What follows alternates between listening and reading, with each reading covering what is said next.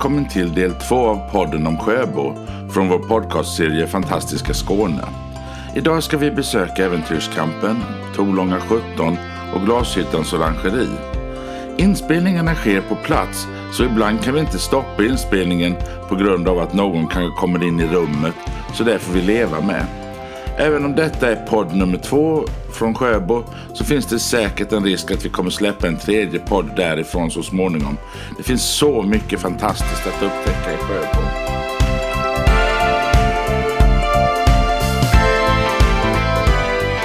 Äventyrskampen är ett ställe med mycket historia.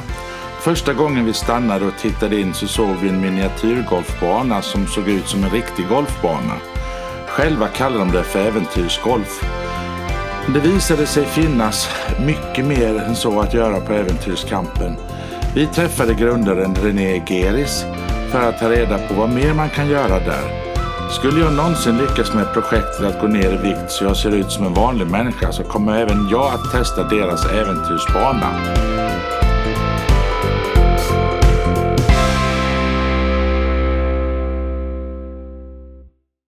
Tack så mycket René för att jag fick komma till Äventyrskampen. Mm, tack själv. Du kan väl, du kan väl berätta lite hur det här började och, och om, om platsen som den är? Mm. Ja, ska jag berätta ända från där det startade från allra, allra första Gör det, gör det. Så är det från 95. Eh, och då började det egentligen med Flygets dag. Eh, då hade man eh, som en extra aktivitet på Flygets dag hade man läskbackstapling. Och det är backar som man har läskflaskor i. Det är knappt någon som vet idag av den undre generationen vad det är men eh, i alla fall de här backarna kan man då sitta på eh, och stapla sig uppåt. Och då hade man en, en lastbilskran eh, och, och då kunde man stapla sig upp och så satte ju barnet fast i den här kranen för att inte ramla ner. Och jag tänkte här borde man kunna utveckla att köra eh, som en aktivitet på Sjöbo marknad. Men jag visste inte riktigt hur det skulle gå till. Men en fredagkväll, jag och en kompis satt och drack några öl. Eh, och då så pratade han om en klättervägg. Och där fick jag liksom en connection med mitt eget. Att ena sidan klättervägg och andra sidan backstapling. Och då eh, slog vi ihop det och körde Sjöbo marknad. Och det kan man väl säga det var så det började. Så det gjorde vi faktiskt i nästan tio år var vi Sjöbo marknad varje år. Hur högt kom de då? Vi, var, vi körde ju 10 meter. Så det var 10 meter läskbackar. Och vi hade ett litet problem i början. Det var ju hur, vad gör vi om... Ja, och det gjorde de ju. Läskbackarna faller ju. Ja. Och då kan de ju inte falla 10 meter ut på. Nej. Så då ska, införskaffade vi ett nät som vi, de staplade inuti liksom. Ja, ja. Så att eh, det var så det började. Men kom de upp 10 meter då? Ja, ja. Absolut. Det är ju Bara det. Alltså de, de flesta, inte alla. Vi hade också här, vi hade att man kunde vinna ett pris på den här klätterväggen. Så vi hade gjort en led i mitten som var väldigt svår. Och då fick man eh, typ 300 kronor. Och, eh, man fick betala 30 för att försöka. Och sen så kom man då ända på den mittersta leden. Så fick man 300 kronor. Och likadant var det ju att om man klarade stapla 10 meter upp så fick man också 300 kronor. Det måste vara jättehögt, 10 meter ju. Eh, Jag, klarade, jag tror detta var en typ en 40 backar som de klarade och jag själv klarade som max 20 stycken. Så liksom, det, oftast var det små killar och tjejer Ja. som var duktiga på att stapla lätt. Typ 12 år. Ja. Så att, eh, det Jag, var, jag har målat mitt hus i år Ja. och jag vet hur högt, vad kan det vara, 5-6 ja, meter det är upp? Det är högt var det. ja, nej, så det... Men sen skulle det ju visa sig att läskbackstapling, där var ju ingen ekonomi det för att du vet om en liten kille sitter där eller tjej sitter där och staplar. Det tar ju en väldig tid. Ja. Är de då duktiga så för att stapla hela vägen kanske det tog en halvtimme. Ja. Det är ju ett jättehav med publik och de älskar ju det. Ja. Men vår ekonomi, alltså 30 kronor i, i halvtimmen, det är 60 kronor i timmen. Ja. Eh, Det blir man inte rik på kan jag säga. Nej. Nej. Så att eh, klättervägen däremot gick mycket bättre. Då var det snabba försök och de som inte kunde de visade sig ganska snabbt. Ja. Och sen var det jag med selen och så fick ni prova. Så där var det, gick det lite snabbare att få in lite pengar. så att det blev väl mer den som blev huvudattraktionen sen, klättervägen. Och sen efter några år så tog vi faktiskt bort läskbackstaplingen för att ja, att ha en anställd till att stå där och göra det, det, det, det var ingen ekonomi alls. Det var ingen som ville ha 60 kronor i timmen. Men sen hittade ni det här stället. Ja, och sen blev det att det här utvecklades och jag körde vidare. Jag hade en vision av att bli väldigt stor och, och jag ville ju satsa alla pengar liksom, så på detta. Så min vän valde att gå ur. Eh, och jag körde vidare själv och då började jag tänka femkamper.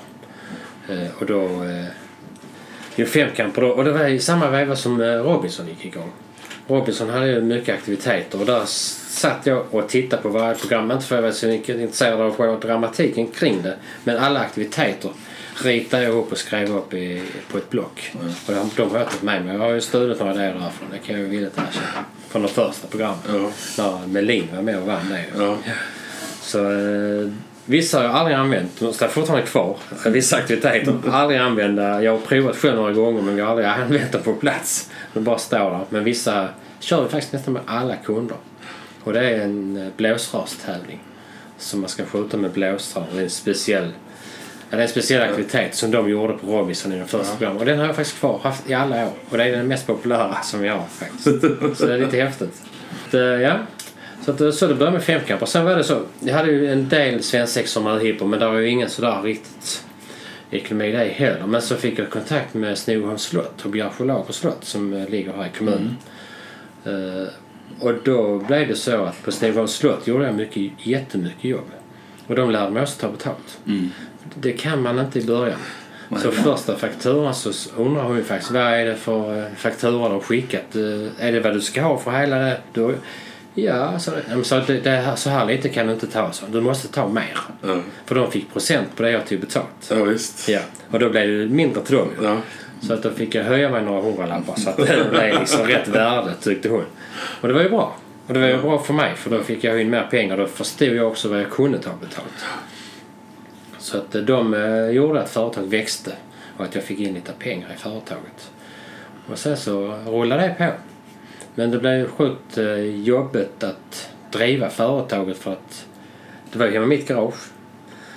Skulle man packa in först och köra iväg. Ja. Sen skulle man kanske på ett jobb till samma dag. Då fick man köra hem och packa av och packa in nya grejer. Det var inte så att, oftast var det inte samma grejer Nej. till nästa gäng. Och då körde man iväg till nästa ställe och gjorde det. Så det blev väldigt tungrot. Men eh, hur det var, vi började leta gård. Vi letade gård i jättemånga år eh, och hittade ingenting. Var det inte för dyrt så var det för dåligt eller så var det för långt bort eller det för öde. Ingen natur. Ja, det var alltid något som inte stämde. Men så var det... När var detta? 2002. Och då var det så att då har jag jobbat på en, i en färgaffär. Och då eh, i den här färgaffären så jobbar det en tjej som heter Marie. Eh, och hennes man är Röda Korschef. Jobbar inom Röda Korset. Och de hade jättemycket läger eh, för eh, förståndshandikappade barn. Och då sa hon, ja men då ska jag säga upp kontraktet nere i syd. Om du, eh, du kanske kan ta över det istället. Nej, alltså vad är det för ett ställe och hur ser det ut? Och, ja vi kan köra dit efter jobbet så kör vi ner om och tittar. Ja, vi kom ner här och körde in på området och, så körde vi ut på baksidan. Så, men det är ju ingen risk att jag får liksom, det är ju jättestort. Hur ska jag liksom kunna råda det? Men hur det var så de sa upp kontraktet då hade Lasse liksom presenterat mig lite för kommunen och sagt att det här är en kille som kan ta över. Och, eh, I början, alltså folk skrattade åt mig för det var ju i början då när man, aktiviteter gjorde man inte förr. Det är ju en ny företeelse Ja, faktiskt. precis. De med Robinson, ba- bara där att de tävlade som de gjorde på det sättet var ju jättekonstigt. Så många skrattade liksom åt min affärsidé. Men alltså, varför håller du på med det? Är det något som, någon som bryr sig? Eh, och även så blev det på kommunen när jag kom dit där. Men varför ska du ha det istället? Är det lönt? Och tror att du ska göra femkamper? Vem skulle vilja göra det? Ja. Ja, så det är ju trevligt om jag hyr det istället, drar in lite skattepengar, lite anställda och så. Och då skrattar jag fritidschefen direkt och sa hur många tror du att du ska vara anställd på det stället? Jag sa det kvittar om jag bara har en eller bara jag så blir det ändå skattepengar. Nej, det trodde han inte på. Så att, eh, då gick jag till fastighetschefen. Han var faktiskt intresserad av att hyra ut stället. Ja. Eh, Och då sa han det att ja, men du, du, du får hyra det så. Du får hyra det för 10 000. Och då tänkte jag i mitt huvud att ja, men 10 000 gånger 12. Mm, det ju en ansenlig summa. Så sa han sen att ja, det här är som året. Oj. så- Ja men det går precis så. Det kommer att funka så. Så jag fick faktiskt på 10 000 i månaden och det var det Röda Korset hade betalat innan. Ja. Så jag fick betala samma summa som dem. Vad fanns, fanns det här huset då? Nej, inte just det vi sitter i. Det har jag och min son byggt. Ja. Men här var ju sex hus på området. Ja. Stora hus, riktigt stora hus. Med 20 gånger 8 meter. De här husen. Så det är rejäla, stora hus. Och den, den har ju en historia varför det har Ja. funnits här. Absolut. Så att när jag då eh, kom hit och då liksom undrade vad har det här varit? Jag blev mer, mer intresserad. Vad har det varit för någonting? Ja. Eh, och då eh, började jag forska i det. Och det har jag gjort i säkert 10-15 år. Har jag letat information och bilder. Letat upp gamla farbröder som jag intervjuat och så här.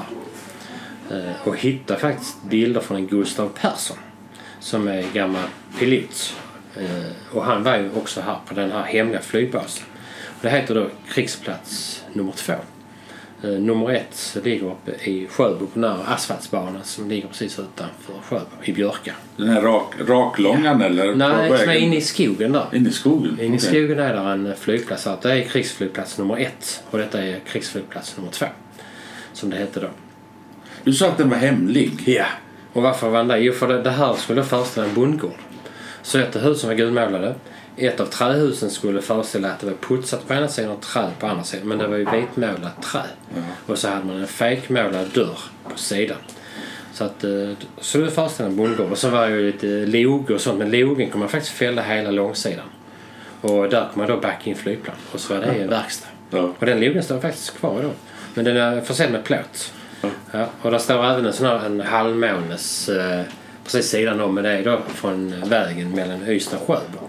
Där fanns ju sån här, eh, jag vet inte vad de kallas, jag vet typ en hangar Ja. som hade. Men det, den är ju ditsatt i nutid. Men den fyrkantiga lådan är ju ända sedan andra världskriget faktiskt. Det är häftigt. Ja, det är riktigt häftigt är det.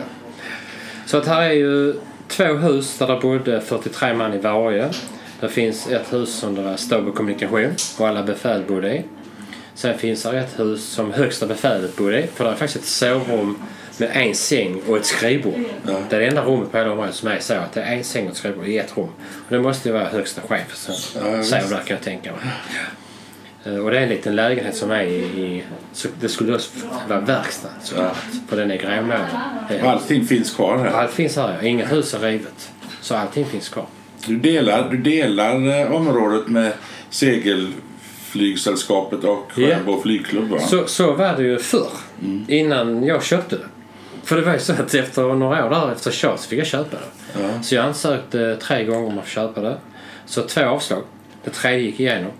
Eh, och eh, då var ju Segelflygklubben, de hade ju också vissa lokaler så de blev inte glada när jag tog över detta. Så, men, där har vi ju också... Men då blev det att jag tog över. Då, men så var, det var faktiskt så att de bodde här lite grann. Ja. Eh, och det var faktiskt ett pensionärspar som hade en lägenhet som de bodde i. Men de fick faktiskt bo kvar Ja. eh, när jag tog över. Så de var ju jätteoroliga för de hade bott där i säkert 20 år. Eh, och då var de ju jätteoroliga att nej men då åker vi ut. Så nej, nej, nej, nej jag vill inte bli ovän med varken segelflygklubben eller er. Så bor ni kvar så länge ni vill.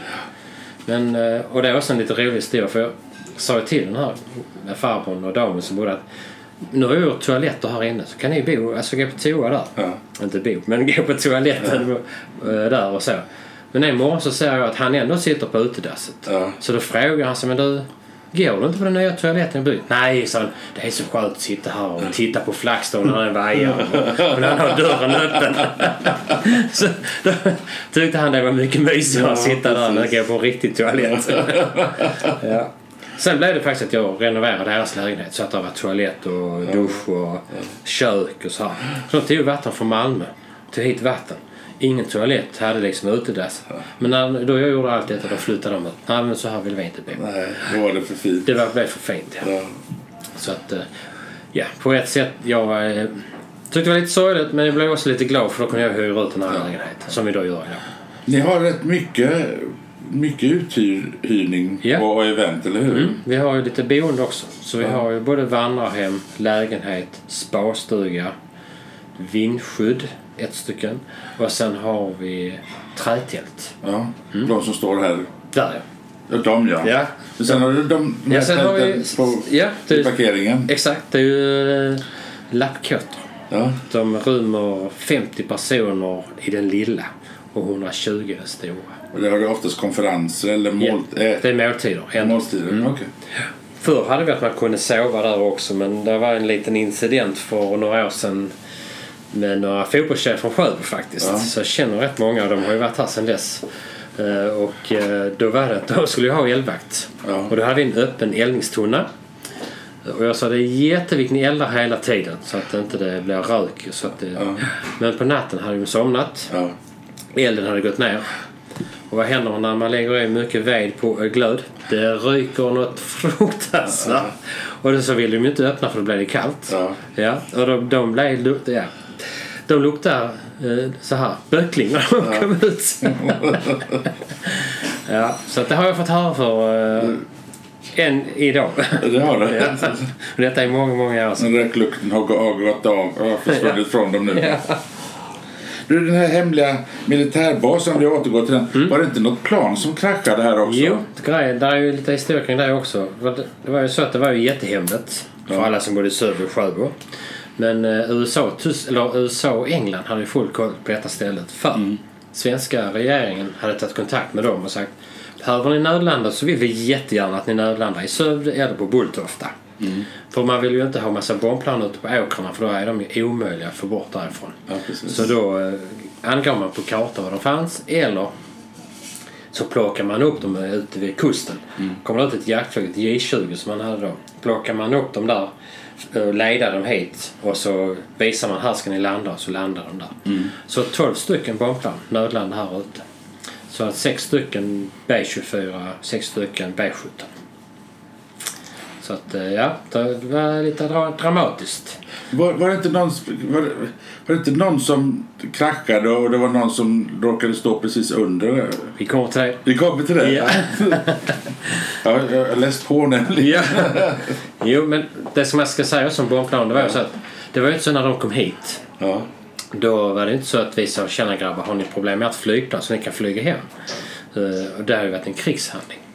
Eh, och då sa man så här att eh, ni blir internerade här. Man, man sitter i förvar, inte i fängelse, man sitter i förvar.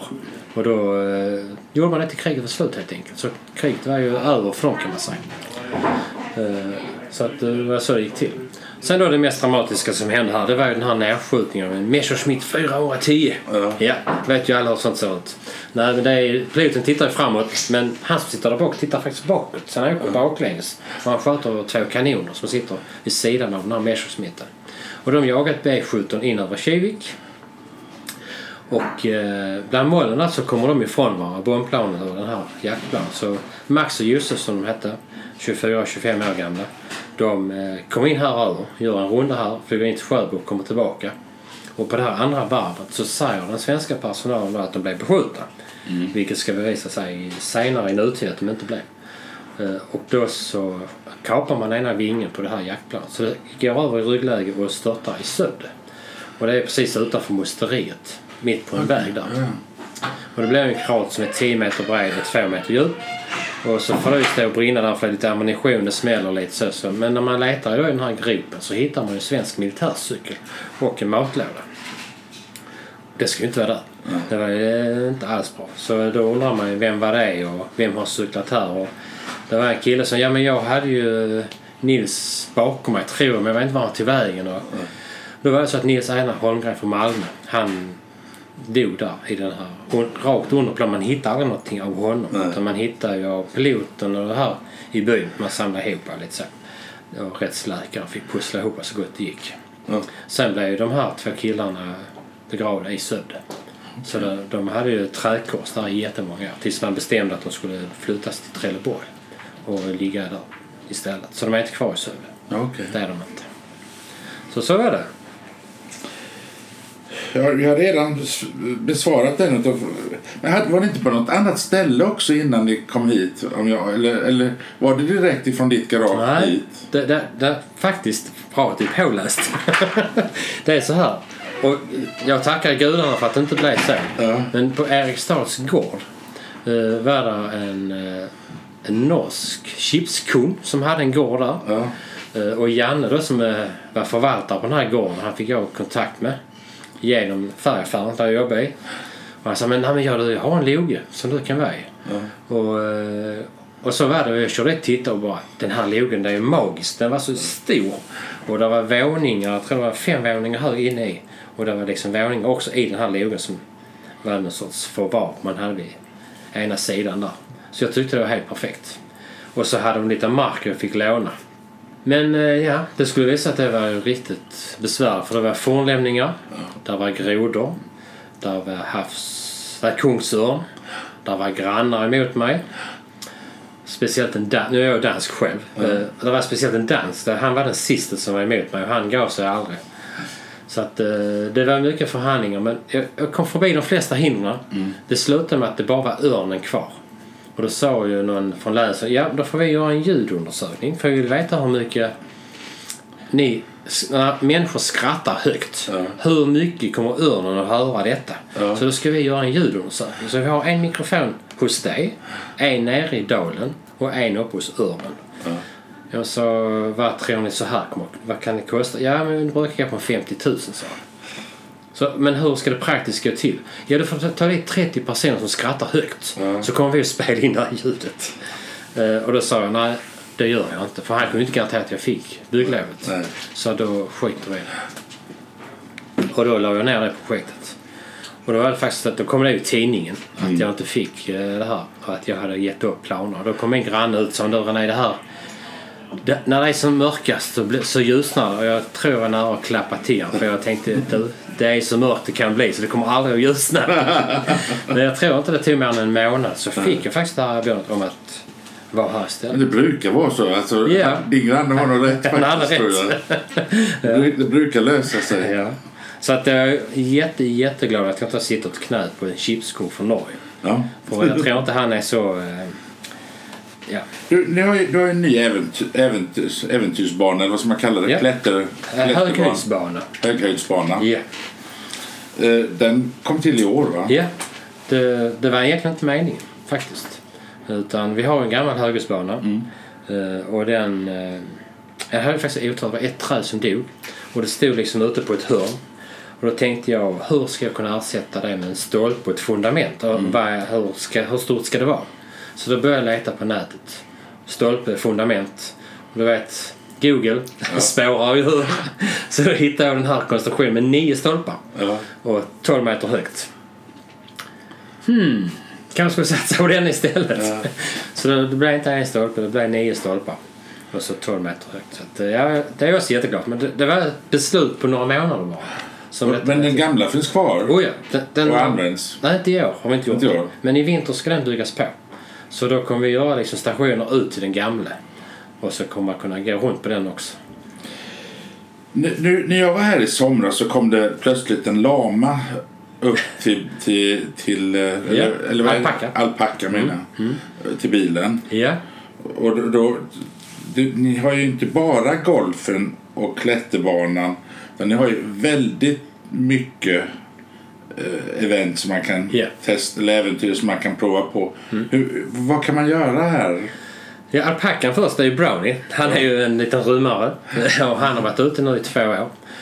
Grejen är att varför inte han smiter iväg.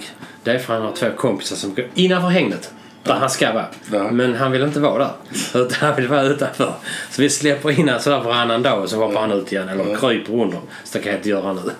Så att, eh, men han är ju fantastiskt snäll. Han går när de kommer för nära. Ja, ja, ja. Så.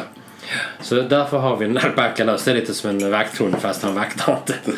Han går här omkring och ser from ut. Eh, aktiviteter har vi ungefär, hoppar lite upp och ner för vi tar bort någon och lägger till. Vi ligger på en 80 stycken ungefär aktiviteter som vi kör. Ja. Vad, vad har ni för något? Ni har frisbeegolf eller Ja. fotbollsgolf? Ja. Och eh, ja, då äventyrsgolfen. Och sen har vi paintballen. Ja. Eh, Och sen har vi femkamper. Ganska många olika grenar. Vi paddlar kanot. Så vi paddlar iväg ut på Södersjön och paddlar upp i något som heter Klingevallsån. Eh, Vi har vandringar, vi är ute och vandrar. Vi har line dance, glödvandring. Och det går att boka in för små och stora grupper. Men Ja. en sån sak som klätter som, som, som Höghöjdsbanan. höghöjdsbanan den, den är inte öppen för, för vem som helst när som helst. Den måste Nej. man... Där måste man boka och i år har vi ju haft den turen att vi har fått tag i ett bokningssystem så man kan ju boka över nätet. Okej. Så att där bokar man och betalar och sen är det klart när man kommer hit så det är bara att hoppa på. Så spontant har vi ju äventyrsgolfen, fotbollsgolf och frisbeegolf. Det kan du ju komma hit och göra spontant. Allt annat måste ju bokas. Det är, är, är äventyrsgolfen öppen året om också? På ett sätt är den. För om du ringer hit i december så säger de men du har ni öppet nu den 10 december för nu har vi ingenting att göra. Nej men jag kan väl blåsa av banan. Om det nu inte är snö. Det Ja, inte. om det inte är snö. Ja, vi har skånsk vinter, då har vi ingen snö. Så, och då, vi är ju här då och vi håller den lite ren för det går inte att där las- kommer massa löv att de blir blöta och vittrar sönder på mattan. Utan vi måste ju hålla den ren hela vintern. Så är vi här ändå så eh, ja, visst, kom och spela. Eh, för, för, för de som kommer hit som turister. Mm. Eh, de kan också ringa och boka. Jag kommer lägga upp hemsidan till er Mm. på, så att den syns på podden och, och runt podden så att, så, att, så att det ska hjälpa till. Men, men eh, de kan boka och komma i stort sett när som helst då. Vi har ett krav. Man ska vara sex stycken Ja, när man bokar aktivitet. För de andra spontana då kan man ju vara en. ja Och även precis. på höghusbanan kan man också vara en. För då kan man bara med några andra. Ja. att, ja. Men alla aktiviteter som paintball och sånt så säger vi sex stycken är minimum. Det, det är ju inte så att eh, utvecklingen har så stilla hos er. Vad har ni för några framtidsvisioner och planer? Vad, vad är nästa grej som ska byggas Jag bara på min Äventyrskampen? fru inte är här. Hon... Hon kan ju tyvärr lyssna på podden. ja, nej, jag har väl alltid haft eh, bollar i rullning. Så de som jag har nu det är ju att vi ska bygga en ny konferenslokal. Mm. För typ 120 pers.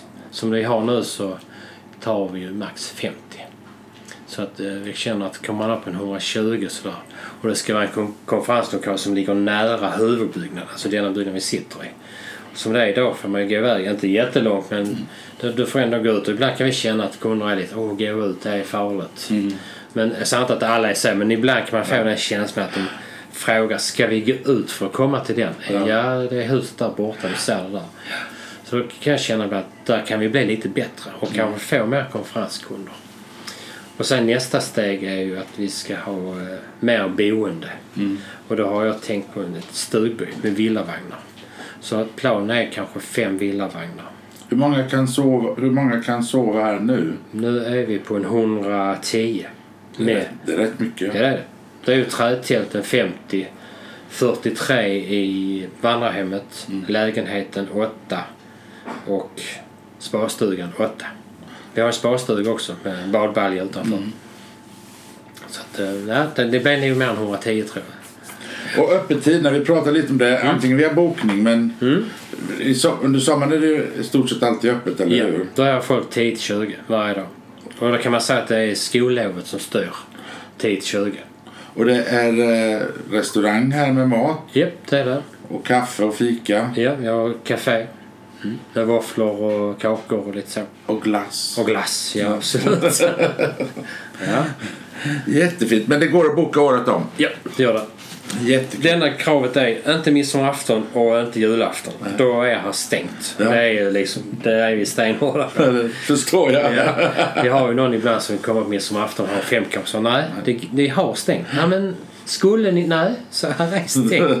Det där är ju stenhårda midsommarafton. Det tycker jag ni är rätt i. Ja. Då får jag tacka så jättemycket att jag fick Ja. komma hit René. Tack själv. Så ska jag försöka gå ner i vikt så jag kan klättra också till nästa år. Det handlar bara om muskelstyrkan. Ja. Tack så mycket. ja, tack själv. Hej. Hej.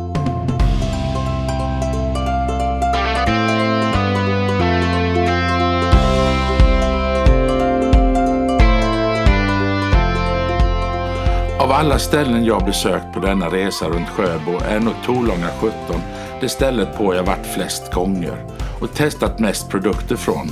Det var på Torlånga 17 jag verkligen förstod skillnaden på kött och kött. Den passion som Thomas och Ann Persson har för att följa sina boskap från fält till slutkund visas verkligen i kvaliteten på deras kött, både i köttbutiken och i gårdskrogen. Det var ett lärorikt besök jag fick göra med dem.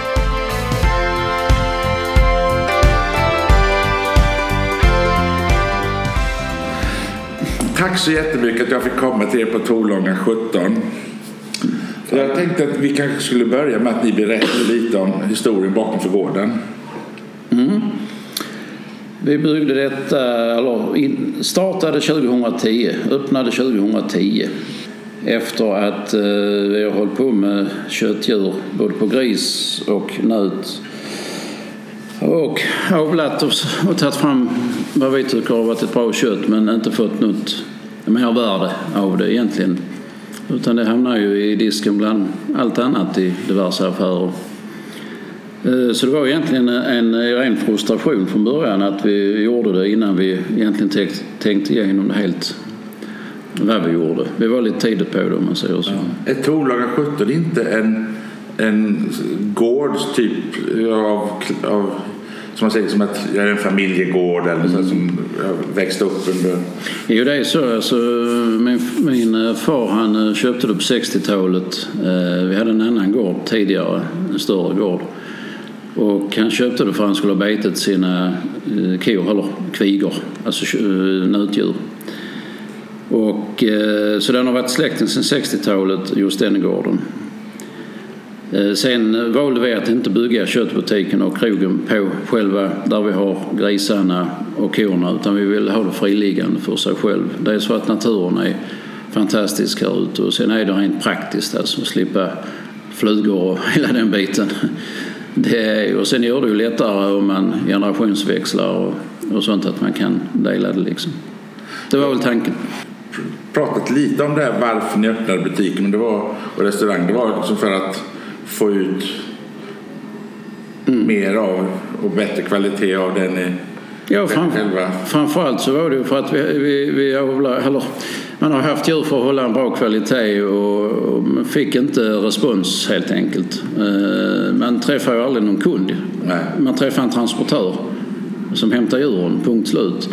Nu istället så kör vi ju själv djuren och, och, och slaktar och tar hit dem och styckar och har hela eh, kedjan fram till slutkund. Om det nu är här på tallriken eller det är i butiken i form av kött eller färs eller vad det nu är. Det var ju den här, det här mötet som vi, vi saknade lite grann kan man säga. Och det, samtidigt så var det ju rätt så omtumlande det här mötet. För det var ju inte sådär att man, eh, man fick ju stå till svars för vad man gjorde verkligen ju. Och det är ju rätt mycket som ligger bakom innan det kommer hit på tallriken eller i butiken. Det är ju kanske en tid på tre, fyra år från att man bestämmer vilka parningar och sånt på djuren och hela den biten. Hur, eh, vilka djur har ni och eh, hur många av dem? Eh, vi har nästan uteslutande eh, Angus, Aberdeen Angus, mm. som är världens största eh, ras och i stort sett den enda ras som avlar historiskt sett på kvalitet, köttkvalitet. Och det är ju deras marmorering som utmärker att de har fettet på rätt ställe, alltså insprängt i köttet, vilket gör ett mörare kött. Och sen eh, är de väldigt tacksamma för vi har lite grann dåliga, alltså vi har mycket betesmark, naturbetesmarker som inte producerar så mycket men de kan tillgodogöra sig grovfoder, alltså gräs, på ett annat vis än många andra raser. Och sen på grisarna så har vi eh, Duroc, heter det. Det är en eh, rostbrun eh, ras som i eh, Kanada och USA kallas för eh, the Angus of Pork. Alltså de jämför det med den Angus-kvaliteten fast i grislivet om man säger så. Va? Och det är då avlar vi på renrasen har vi även korsningar med vita grisar. Och de går också ute på fälten här nere. Hur, hur många? Hur, hur många? Eh, Angus har vi cirka 200 kalvningar per år. Eh, grisarna är inte så många. Det är väl 15 suggor som producerar eh, ungefär 300-400 eh, grisar per år. 100 svarta, 100 röda. Ja, på angusen är det ungefär, ja precis, vi har 100, hälften röda och hälften svarta angus. Det finns båda delar. Det betyder att ni har en begränsning på hur mycket ni kan slakta varje år förmodligen? Ja, ja. Givetvis. För jag, jag som älskar den, enkelbiff har ju faktiskt varit här några gånger när det inte går att köpa den. Mm. Jo, det är så att uh, vi Många undrar varför man inte växer mer och, och säljer på fler ställen i Skåne kanske. Men vi har ju en begränsning på vad vi kan. Vi, kan, vi vill inte huka djuren rent för mycket och kan inte göra det heller. Vi måste ha marker till det. Och du, och du sa också att, att ni slaktar inte hur tidigt som helst utan ni, ni låter dem få gå runt några år innan. Ja, det är ju i stort sett ingen som är under tre år. Eh, Alla hondjur, kvigorna då, får lov att- att kalva en gång och gå med sin kalv. För att se, eh, mm, ja, för att se om de eh, får fortsätta i produktion. Alltså. Ni, ni har ju ekologiskt kött. Vad innebär det den oinvigde? Ja, för vår del, eh, man kan ha olika sort eh, ekologiskt. Man kan ha EU-ekologiskt och eh, vi har då KRAV-certifierat.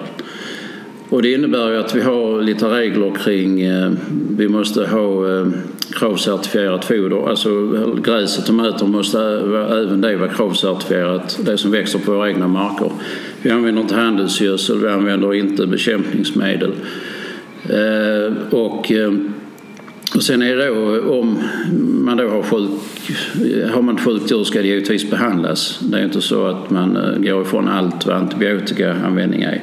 Men däremot så är det ju en väldigt lång karenstid för att inte det ska kunna vara rester i, i köttet. Sen är det väldigt ovanligt. Jag menar har vi jag tror vi har gjort, eh, vi tittar på 2018, då hade vi två behandlingar och där är ungefär 500 djur.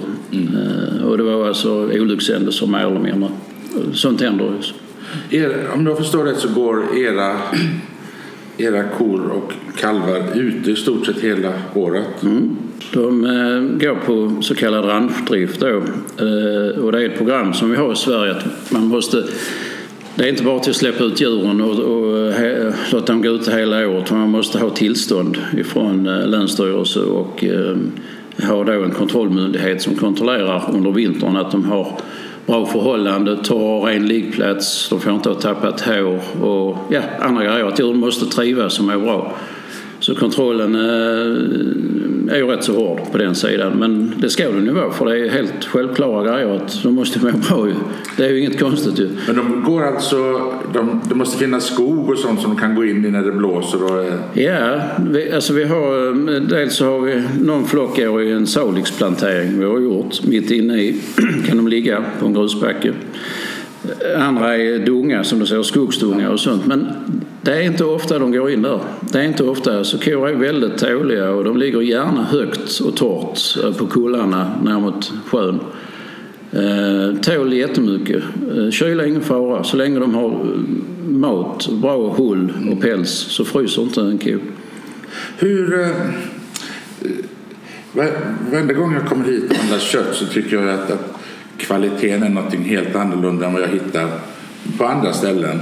Hur, hur går det till att, att hålla den här höga kvaliteten på, på köttet? Vad är det som gör att det smakar bättre här än ifrån vanliga mataffären? Förhoppningsvis så är det ju hela linjen att eh, det är hanteringen mycket. Alltså att det, det får inte vara stressade djur för det, det är ju inget bra kött. Lugnt och fint på, under uppfödning. De ska ha bra förhållande. Och sen är det ju att de får bli lite äldre eh, och de får, äter bara gräs. Själv anser jag att spannmål det är grismat, det är ingenting annat. Eh, de ska växa på, på sin, eh, sitt gräs eller hö, ensilage. Eh, Och det, och det är ju bevisat att eh, djur som är uppfödda på enbart gräs har ju en högre smak och även omega-3 och omega-6-balansen är helt annorlunda. Ni har ju även en restaurang. Eh, öppnades den samtidigt som butiken eller hur kom det sig att det blev både restaurang och gårdsbutik? Egentligen var det inte meningen riktigt först att vi skulle ha den här biten. Det var ju lite grann vi skulle ha den här gårdsbutik med eh, att sälja kött och så här. Och eh, sen blev det, ja men vi kan ju ha ett litet kök och göra det och så kan man ju ha, ja, göra lite rätter och sånt. Ja men gör vi då ett kök kan vi ju lika bra göra en matsal. För matsalen här det var ju det, det lilla ju. För detta var ju egentligen bara byggnaden och där ute i, i, i den andra änden där är ju alla kylarna, det är de som kostar i så fall ju. Så detta var det lilla. Får ni mycket såna här, bokade, bokade resor hit som kommer Ja. och äter lunch? Ja, det gör vi. Och, eller det får vi. Och gärna då måndag och tisdag eftersom då håller vi ju stängt ju. Och många gånger är det ju så, en buss kommer in och sen så är det bara äta och sen ut igen. Va? Och eh, någon gång så är det ju det att de kommer även då onsdag, torsdag och fredag och då vill de ju gärna naturligtvis se köttbutiken och handla Ja. lite och sånt. Så det är lite roligt. Ni, ni, ni sa att ni ville lära känna kunderna som kommer och, och, och köper. Är det mycket, åter, mycket återkommande kunder eller, eller mycket turister som kommer hit och handlar? Jag får nog säga bägge och. Alltså, nu i sommar har det ju varit väldigt, väldigt mycket nya människor. Det är ju så roligt och, och framförallt så är det roligt att höra hur de har upptäckt oss. Om, eh, många gånger så är det då mun till mun som de eh, har hört detta här. Och det är ju, vi lägger väldigt lite pengar på reklam ju, så att, eh, eller nästan inget.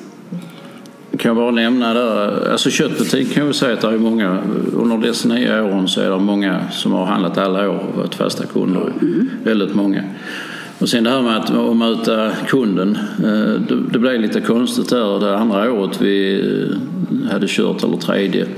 Så var det en lokaltidning här som tyckte eh, att vi skulle annonsera eller de ville göra reportage och sånt och ringde då till, till mig. Så sa jag nej, jag tror inte det för vi vill inte ha hit för mycket folk.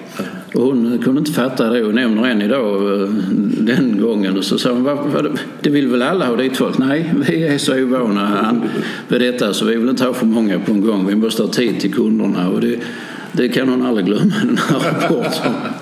Många, många om man tittar på Facebook och hittar, hittar eh, kött, köttförsäljning så är det mycket sådär färdiga paket, färdiga lådor som man kan beställa och man får leverera. Och så. Men ni har valt, ni har inte det va? utan ni, ni säljer allting i butik och man kommer hit och handlar istället. Mm. Det har blivit ett begrepp där, köttlådor. Och som producent när man inte har någon anläggning så är det ju, det är jättesmart eh, att sälja köttlådor och att man blir av med allt. Men många kunder frågar efter köttlådor så det är inga problem, vi har lådor men ni får själv bestämma vad ni vill ha i dem. Det är inte det. Va? Att Nu har vi valt att ha det exponerat och de får välja själv. De måste inte ta så mycket färs Nej. i förhållande till ädla detaljer. Förstår du vad jag menar?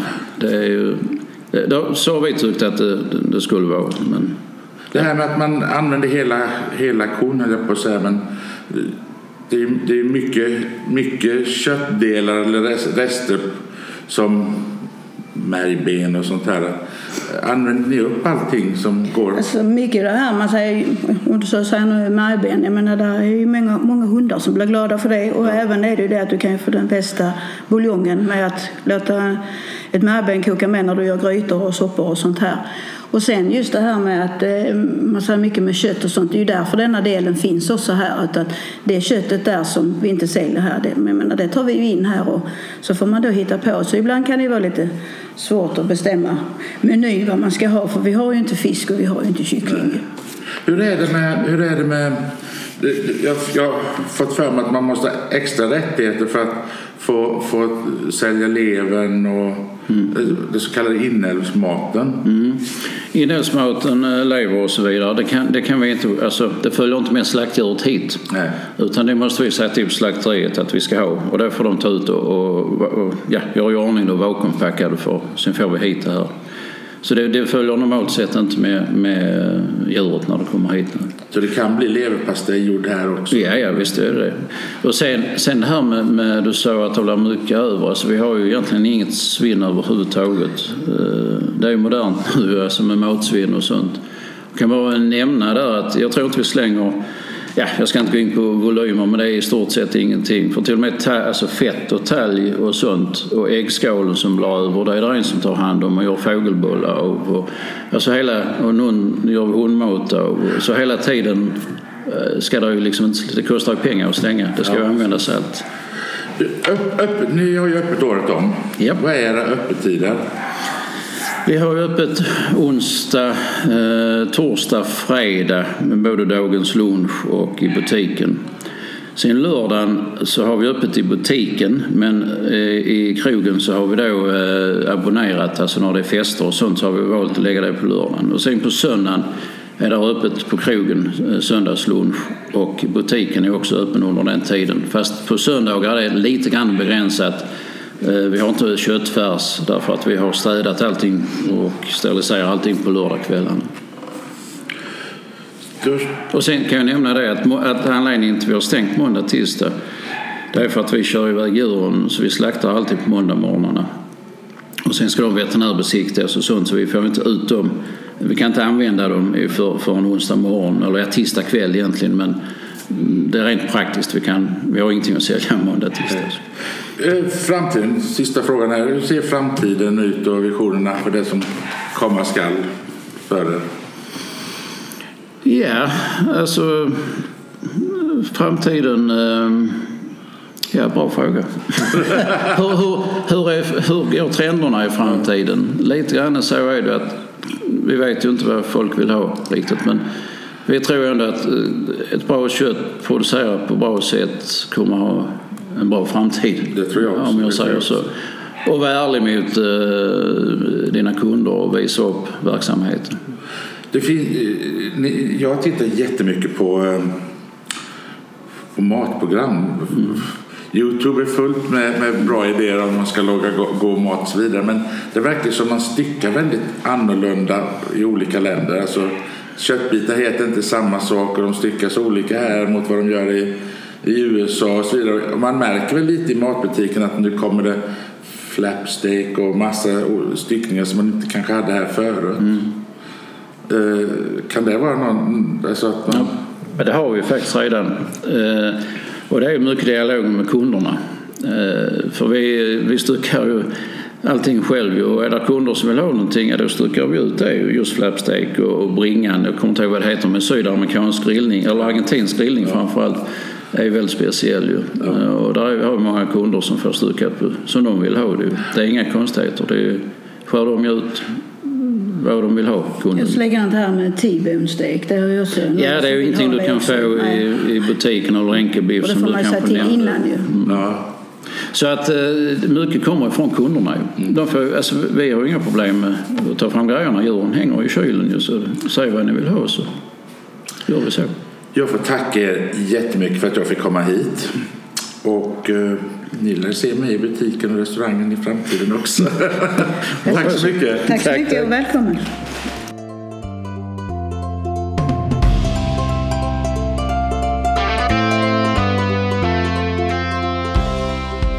När två Stockholmssystrar flyttar ner till Skåne för att starta om så kan vad som helst hända. Eva och Inga-Lill Bjurman har en passion för återvinning.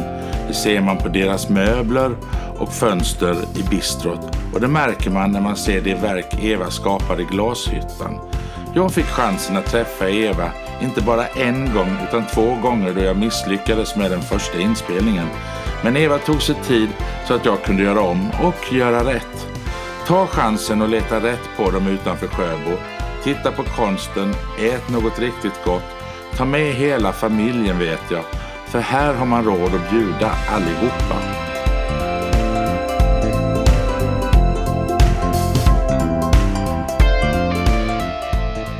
Tack så mycket Eva att jag fick komma hit. Hur kom Glashyttans orangeri till? Det kom till genom att jag öppnade min eh, återbrukshytta 2011 här på gården. Och jag hade mycket sällskap som ville komma och se när jag hade förevisningar. Och då kommer de med buss oftast och då vill de äta eller så vill de fika eller så vill de ha frukost. Och eftersom jag och min syster då har haft restaurang för 27 år sedan så kände vi att nu var vi mogna för det. Så att eh, då byggde vi Glasnost Orangeri. Det blev inte en direktflytt härifrån från Stockholm hit, eller hur? Nej, vi mellanlandade i Kristianstad på en avstyckad gård. Men eh, vi tyckte att den var för liten och sen så höll vi på med och hjälpte polisen med vanvårdade hästar. Så att, och då jobbar vi ideellt med det, förutom våra vanliga jobb. Så vi ville ha fler stallar och mycket mark. Och då hamnade vi i Sjöbo. Ja.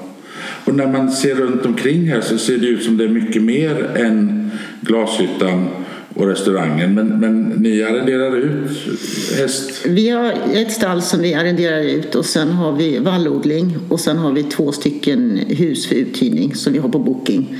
Som återbruk eh, så att säga. Mm. Förresten nu när jag kom hit idag jag såg ofantligt mycket svamp runt omkring. Vi Måste... har, vi har mycket svampplockare här uppe. Ja, jag förstår Ja. det. Stannar de och äter här sen då? Eh, en del gör det. En del gör det. Kul. Berätta lite om er själva. Ni, ni har alltså historia med restaurang i... I Stockholm förut. Stockholm, ja. Som vi drev i sex år och då jobbar vi 340 dagar om året. Så vi hade ledigt två veckor över jul och sen var vi lediga några dagar över påsk och sen så körde vi. Och då hade vi 10 fast anställda och 20 extra anställda. Så det var en ganska intensiv period men det var jättekul. Och jag var 23 år när vi började och Ingalill var 26. Men det var fi- fine dining? Ja, det var, det var, det var fisk och skaldjur som var inriktningen där så att säga. Om jag förstår rätt, sen ni öppnade restaurangen här nere, Mm. så allting lagas här? Ja, absolut. Vi gör allt från leverpastej, majonnäs, eh, ja, you name it. Vi, men vi gör allting från grunden själva, utom att vi bakar inte matbrödet. Nej. det är det enda som vi inte gör själva. Hur, eh, blev, hur, blev det glas, hur blev det glasblåsare? Det var en period mellan två jobb och eh, jag såg den här utbildningen och jag kände att det här vill jag prova på och det var mitt i prick faktiskt. Det är mitt kall. Det är rätt lustigt att, hur livet är liksom när man inte vet vad man ska göra och liknande. Samtidigt är jag ganska nyfiken på mig att, liksom, att lära mig nya saker. Det är aldrig för sent så att säga. Nej. Hur kommer det med att återvinna? Det kommer, det kommer smygande och det ligger i våra tänk utan att vi har haft det liksom uttalat. Det är det, har liksom, det, är det här med, med glaset, det är återbruk, det är återbruk med, med stugorna och vi har ju återbruk med, med möbler. Vi har alltid hållit på att renovera möbler själva. Och eh, fönstren i eh, bistron är ju också återbruk som vi har eh, köpt på fem olika ställen i Skåne. Och sen också då linoljekittad och linoljemålat själva. Mm. Kan man ta med sig sina egna flaskor och få dem Omformade? Ja, ja, oh ja, det är många som gör det. Det är många som har haft ett bröllop eller de har varit på en resa eller någonting och så har de ett, ett minne så att säga, någonting som de har upplevt och då kanske ett, ett gott vin. Och då kommer de hit. Ja, det är jättekul. Men det är inte alltid det funkar. Nej, det är det inte. Det är mycket som spricker och det är oftast när eh, glaset ska värmas ner så att säga, när jag har jobbat med det. Ja. Så jag kan ju inte öppna min invärmningsugn förrän morgonen efter. Eh, Jo, eh, har det någon betydelse om det är gammalt eller nytt glas? Ja, det har det för att gammalt glas är skörare. Och det måste värmas in mycket längre än nytt glas. Men oftast är det ju vack, vackrare också när du ser små bubblor och, Det, det, och sånt här i det. de här gamla konserveringsburkarna är ju lite av mina favoriter kan jag säga. Och eh, de försöker jag att vara på loppisar och på auktioner och köpa upp för att det är många som bara slänger dem. Jag gillar de här gamla Karls, Carlsbergsglasen och Ja, sånt också. ja de, är, de är också trevliga. Kan man lägga en beställning på andra typer av glasprodukter? Ja, det kan man göra. Jag har ju, jag har ju lampor bland annat.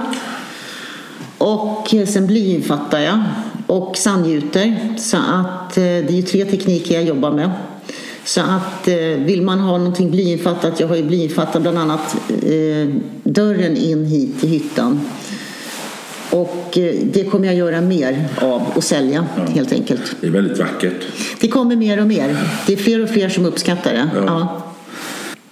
Jag har ju varit här och ätit och det har ju varit väldigt, väldigt gott allt jag har ätit. Vad är filosofin runt maten på bistrot?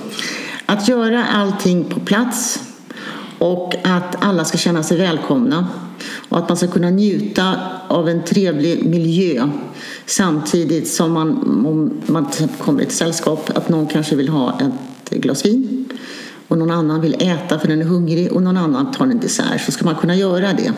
Och så har vi satsat väldigt mycket på små vinflaskor för att oftast är det en som kör och en som vill ta någonting att dricka. Och vi har också satsat mm, på lokalproducerad öl. Ja, Det är jätteroligt att hitta flaskor som man aldrig har Ja, testat förut. och det, det är liksom det som är lite meningen för då får man en ny upplevelse i upplevelsen när man kommer hit. Ja. Och det är väl också kul att, att maten om jag förstår, alltså, mm, råvarorna är oftast väldigt lokala här. Ja, det är, det är de också. Och det är bara svenskt. Jag tycker priserna är väldigt humana om man, om man tittar på vad man kan betala på, på restauranger runt omkring. Det verkar som ni också har en, en idé att alla ska ha råd att kunna komma hit och Ja, äta. det, det har det nog varit och det var det också när vi hade restaurangen i Stockholm. Där hade vi också allt från barnfamiljer till representation till eh, professorerna från Akademiska sjukhuset bland annat. Som, så att det var, det var väldigt bredd. Och alla ska kunna, ja, det är inkluderingen så att säga som är väldigt viktig för oss. Ja. Vi har verkligen uppskattat att komma hit. Ja, vad kul, ja. Hur, hur ser eh, framtidsvisionerna ut för er? Det är att fler och fler ska hitta oss. Och att vi också då har de här tre utställningarna, att vi ska ha ett så större utbud som möjligt, så att säga, varierat. Och jag har ju redan nu börjat planera för nästa års. Så det gäller ju liksom, nu är jag nästan lite sent på det, för att alla planerar ju minst nästan ja, över ett år framöver. Ja, vi brukar ju komma hit varje påsk på Konstrundan.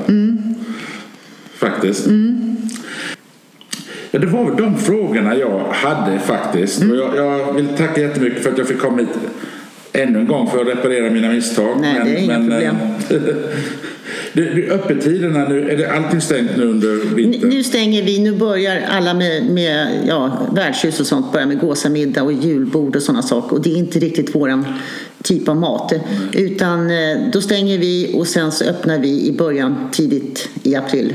Går det att, att, beställa om man skulle vilja ha någon, någon Ja, ja, ja. Vi tar ju emot eh, större sällskap, det gör vi. Och vi har också catering, så att, eh, det är inga problem. Och glashyttan, är den Den, också? den öppnar jag också upp, det är bara att man slår en signal. Ja. Jättebra. Jag kommer lägga ut telefonnummer och sånt här också så att folk Mm, kan kontakta er på hemsidan. Tack så jättemycket Eva, för att jag fick komma. tack själv, jättetrevligt att ha dig här. Ja, tack. Hej. Hej.